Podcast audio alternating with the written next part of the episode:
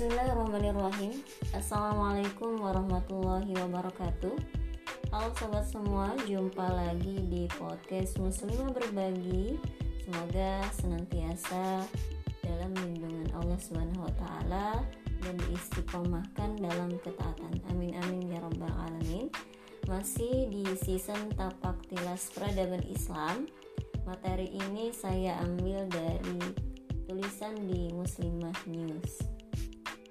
Kalau sebelumnya kita sudah membincang, membincangkan tentang kota Kufa, kali ini yang kita bicarakan adalah tentang kota Basra.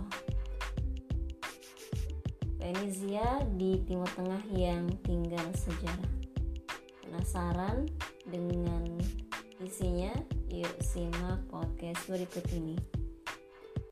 Kota Basrah di Irak tunduk pada kekuasaan Islam sejalan dengan penaklukan kawasan Irak secara keseluruhan.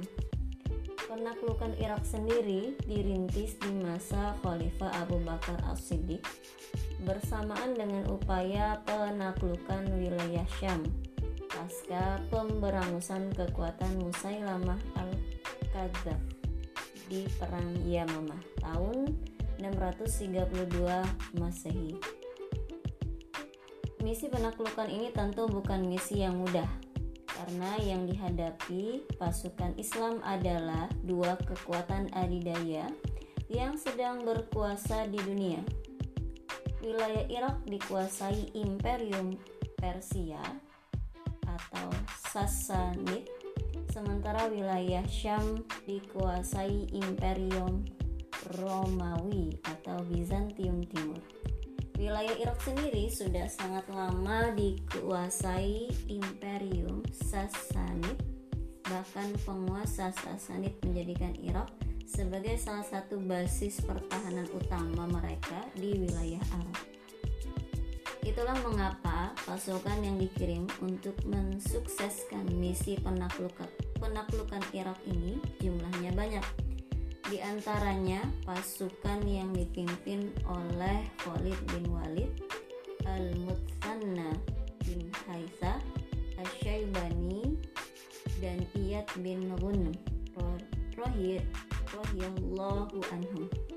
Masing-masing pasukan diminta merintis penaklukan ini dari berbagai arah yang berbeda. Pada tahun 633 Masehi, Misi itu berhasil dengan baik. Wilayah Irak akhirnya jatuh ke tangan kaum muslimin setelah melalui berbagai pertempuran yang cukup dahsyat di masing-masing wilayah yang mereka buka. Saat itu mereka berhasil merebut beberapa kota penting di Irak seperti kota Al-Hirah, Ayan al-Tamr, dan Ulais termasuk wilayah Al-Ablah atau Ubullah yang kelak diberi nama sebagai kota Basra. Disebut demikian karena wilayah ini posisinya sangat strategis, berada di tepi barat Sat al-Arab yang mempertemukan muara Sungai Tigris dan Sungai dikenal sebagai tempat terbaik untuk mengintai sekaligus pintu pembuka ke wilayah kekuasaan Imperium Romawi di wilayah Syam. Penaklukan untuk yang kedua kalinya pada tahun 634 Masehi saat kekhalifahan beralih kepada Sayyidina Umar bin Al-Khattab Beliau menjadikan kota Basrah di Irak sebagai camp militer di bawah kepemimpinan Khalid bin Walid. Maka ketika beliau mendengar bahwa pembebasan Syam yang dirintis Khalifah Abu Bakar menghadapi tantangan berat dari pasukan Romawi, beliau langsung memerintahkan Khalid dan pasukannya untuk bergerak dari Irak membantu pasukan muslim yang ada di Syam khususnya di benteng pertahanan mereka di daerah Yarmouk.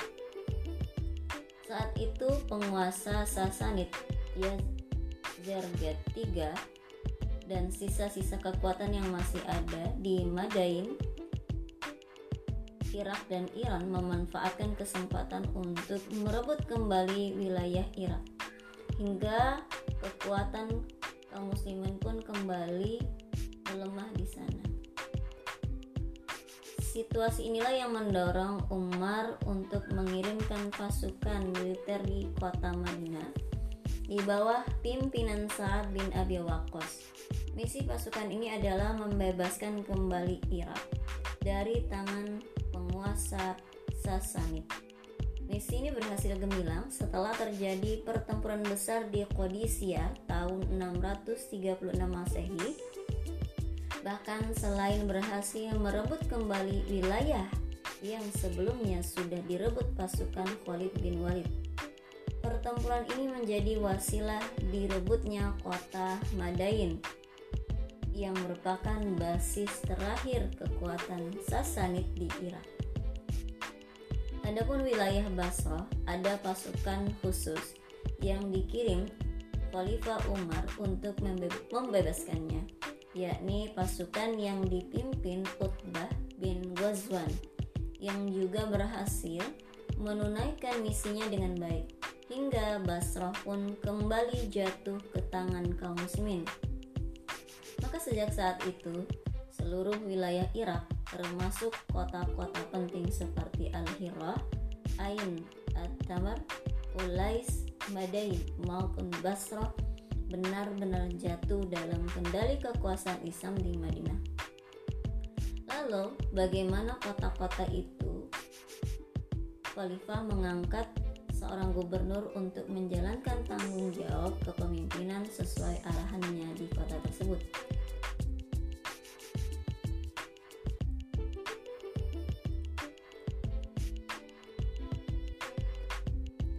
Meski ditaklukkan dengan pertempuran, penduduk Irak menerima dengan ringan kepemimpinan Islam. Bahkan tak perlu waktu yang lama, mereka berbondong-bondong memeluk agama Islam setelah melihat keagungan penerapan sistem Islam dan keadilan yang berhasil diwujudkannya. Di bawah kepemimpinan Utbah bin Ghazwan yang kemudian diangkat sebagai gubernur Basrah, kawasan Ablah yang berganti nama menjadi Basrah disulap menjadi sebuah kota yang hidup, sekalipun fungsinya tetap sebagai camp militer. Maka yang pertama kali ia bangun adalah sebuah masjid besar yang diplot sebagai titik pusat kota. Lalu ia membuat blok-blok pemukiman di sekitarnya dengan bahan yang mudah dibongkar pasang untuk antisipasi perang. Juga dibangun berbagai fasilitas umum yang diperlukan oleh penduduk kota. Misalnya, jalan raya, masjid-masjid yang lebih kecil, fasilitas kesehatan, pendidikan, dan area pemakaman. Di masa selanjutnya, kota Basra berkembang dengan pusat menjadi kota yang sesungguhnya terutama saat pada tahun 638 hingga 640 Masehi Khalifah Umar mengangkat sahabat Abu Musa al-Ash'ari sebagai gubernur atau wali di sana. Ia pun melakukan penataan ulang konsep perkotaan. Ia mengajukan pembangunan rumah warga kota dengan bahan yang lebih permanen juga membangun fasilitas air bersih bagi mereka. Bahkan ia merenovasi masjid yang dibangun Utbah di pusat kota hingga konstruksinya lebih kokoh dari sebelumnya. Lalu ia menjadikannya sebagai pusat politik dan aktivitas kemasyarakatan. Di masa-masa berikutnya, baik di masa Khalifah Utsman maupun Ali, para gubernur yang diutus melanjutkan pembangunan kota. Di antaranya membangun sistem irigasi yang sangat baik sehingga memacu pengembangan pertanian. Wajar jika kota ini muncul sebagai wilayah yang sangat subur, bahkan dikenal sebagai salah satu pusat penghasil kurma terbaik yang menambah kemakmuran bagi warga kota. Juga dibangun pusat-pusat ekonomi seperti pasar, area pertokoan, dan lain-lain. Di dalam buku History of the Arabs uh, yang ada di halaman 303 versi terjemah, Philip Kahiti sempat menyebutkan bahwa Basro juga dikenal sebagai kota kanal. Setidaknya di tahun 670 Masehi, ada 120.000 kanal di kawasan ini. Sehingga kota ini pun dikenal sebagai kota yang ramai dengan pelayaran. Bahkan sempat dikenal dengan sebutan Venizi atau Venesia dari timur. Ketika kekhilafan beralih kepada Bani Umayyah dan Abbasiyah kota Basra bahkan makin melesat sebagai kota metropolitan Basra juga menjadi pusat persinggahan penting para pedagang Arab sebelum mengarungi lautan berdagang ke timur jauh di Cina. Selain itu, Basra juga dikenal sebagai kota kembaran bagi Kufah karena sama-sama dikenal sebagai salah satu pusat peradaban Islam di masanya. Selain memiliki pusat militer, Basra juga menjadi pusat perdagangan dan perekonomian, serta dikenal sebagai pusat ilmu pengetahuan. Di kota ini tumbuh tempat-tempat kajian Islam yang para sahabat dan tabiin banyak yang bermukim di sana. Di antara para sahabat adalah Anas bin Malik, Ma'qil bin Yasar, Abdullah bin Abbas dan lain-lain. Sementara para tabi'in ada banyak nama-nama ahli ilmu yang lahir dan atau bermukim di Basra, di antaranya Hasan al-Basri. Adapun cabang-cabang ilmu yang berkembang di masa itu antara lain ilmu bahasa Arab termasuk di bidang ilmu nahu. Bahkan antara Kufa dan Basra terjadi semacam persaingan dalam perkembangan ilmu nahu sehingga di masa itu lahirlah dua aliran yakni aliran Kufa dan aliran Basra di antara tokohnya yang terkenal adalah Sibawai dan Al-Khalil bin Ahmad. Dalam bukunya Hitti juga menyebutkan bahwa di perbatasan Persia ini kajian ilmu kajian ilmiah tentang bahasa Arab dan tata bahasanya khususnya dilakukan oleh dan untuk para mu'alaf yang ingin mempelajari Al-Quran menduduki posisi di pemerintahan dan agar bisa berinteraksi dengan kaum penakluk. Maka dari sini berkembang pula ilmu-ilmu yang lainnya seperti ilmu hadis, ilmu fikih, ilmu sastra, sejarah, bahkan ilmu kalam, yang melahirkan kelompok Mu'tazilah yang sangat kontroversial. Juga lahir ilmu-ilmu sains seperti zoologi dengan pakarnya yang terkenal Abdullah bin Malik bin Al-Quraib Al-Asma'i. Juga berkembang ilmu fisika dengan pakarnya yang tak kalah fenomenal yakni Ibnu Al-Haytham. Sejalan dengan menurunnya kekuatan politik Abbasiyah akibat konflik internal, juga akibat serangan Mongol yang memporak-porandakan pusat politik Khilafah Abbasiyah serta kian menguatnya kekuatan Syiah di Persia atau Iran, maka menurun pula lah pamor kota Basra sebagai pusat peradaban Islam. Apalagi di masa berikutnya mayoritas penduduk Basra berubah menjadi pengikut Syiah yang dipengaruhi oleh kekuasaan politik Syiah di Iran atau Persia. Maka, situasi ini kerap menjadikan wilayah Basrah terlibat konflik dengan Khilafah Utsmaniyah yang berpusat di Istanbul, Turki. Situasinya terus bertambah parah terutama saat kekhilafahan Turki makin kehilangan kekuatan politiknya hingga setelah kurun di tahun 1924.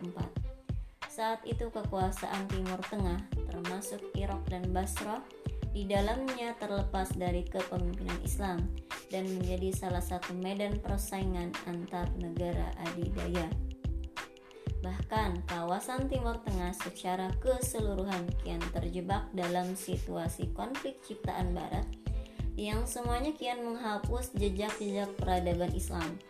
Kawasan yang sangat strategis dan kaya sumber daya ini seolah jadi hidangan yang diperebutkan oleh negara-negara kapitalis rakus hingga tak ada lagi yang tersisa selain kehinaan dan buruknya masa depan. Mirisnya, situasi ini terus berkembang hingga sekarang. Bahkan nama Basrah yang dulu demikian terkenal kini nyaris tenggelam di telan zaman. Ia seakan menunggu waktu saat kekuasaan Islam yang dijanjikan akan kembali di masa depan. Di saat itulah kemuliaan peradaban Islam akan kembali terpancar menebar ke seluruh alam. Wallahu alam bisawab. Semoga bermanfaat. Salah hilap mohon maaf. Saya akhiri. Assalamualaikum warahmatullahi wabarakatuh.